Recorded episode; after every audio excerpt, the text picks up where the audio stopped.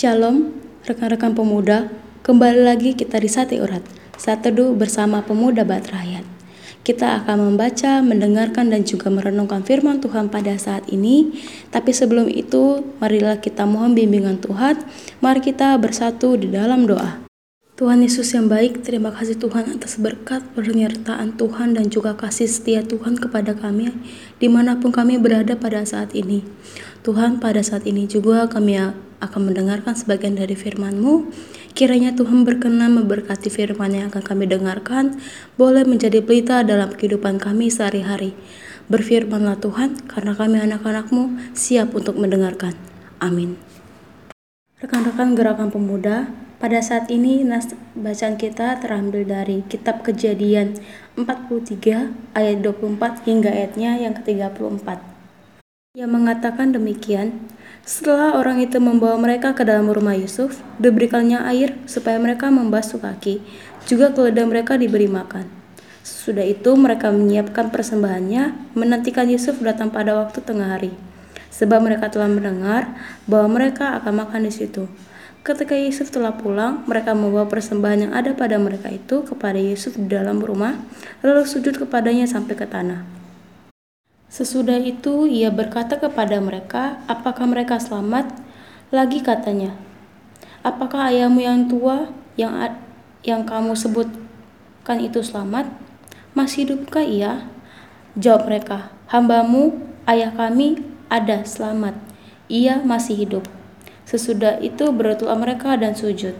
Ketika Yesus memandang kepada mereka, dilihatnya lah Benyamin, adiknya yang seibu dengan dia. Lalu katanya, Inikah adikmu yang bungsu itu yang telah kamu sebut-sebutkan kepadaku? Lagi katanya, Allah kiranya memberikan kasih karunia kepadamu anakku.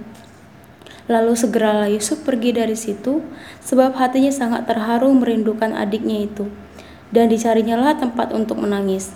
Ia masuk ke dalam kamar, lalu, menangis di situ. Sesudah itu, dibasuhnya lah mukanya, dan ia tampil keluar. Ia menahan hatinya dan berkata, Hidangkanlah makanan.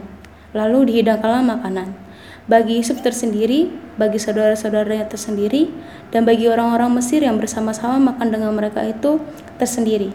Sebab orang Mesir tidak boleh makan bersama-sama dengan orang Ibrani karena hal itu sesuatu kekejian bagi orang Mesir. Saudara-saudaranya itu duduk di depan Yusuf dari yang sulung sampai yang bungsu, sehingga mereka berpandang-pandangan dengan heran. Lalu disajikan kepada mereka hidangan dari meja Yusuf. Tetapi yang diterima Benyamin adalah lima kali lebih banyak daripada setiap orang yang lain. Lalu minumlah mereka dan bersukaria bersama-sama dengan dia.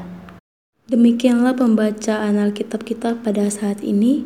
Rekan-rekan gerakan pemuda, tema renungan kita saat ini adalah Yusuf, Sultan yang murah hati. Sebutan sultan menjadi viral dan menjadi kata gaul yang sering kita gunakan akhir-akhir ini yang ditujukan kepada mereka yang memiliki kehidupan mewah. Demikianlah yang terjadi kepada Yusuf. Dia menjadi sultan atas kerajaan Mesir namun keadaan demikian tidak membuat Yusuf menjadi sultan yang angkuh dan lupa diri. Kelaparan yang merajalela di seluruh bumi membuat Yusuf membuka segala lumbung dan menjual gandum kepada orang Mesir dan bagi semua orang yang mengalami kelaparan. Yusuf tidak sakit hati, justru ia menyambut dan menjamu dengan sukacita saudara-saudaranya, termasuk Benyamin.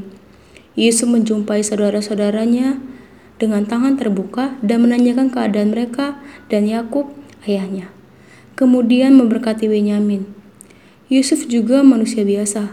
Dia sangat terharu melihat adik bungsunya dan menangis di dalam kamar.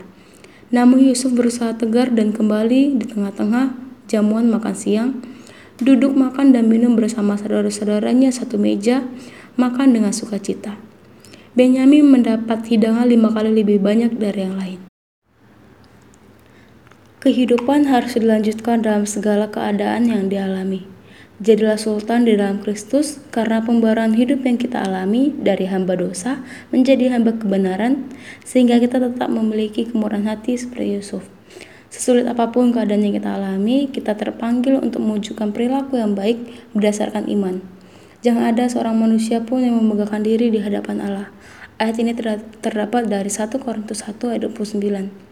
Sebaliknya, berusaha hidup bermurah hati terhadap sesama. Kemurahan hati menghadirkan sukacita dan damai.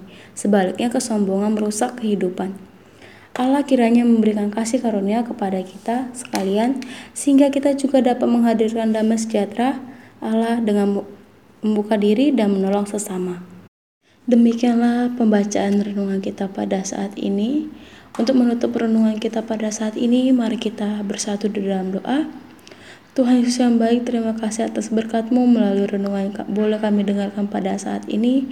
Kiranya Tuhan, pembacaan renungan yang kami dengarkan pada saat ini boleh menjadi berita dalam kehidupan kami sehari-hari dan dapat menjadi terang dalam langkah kami dalam kehidupan kami bersama Tuhan.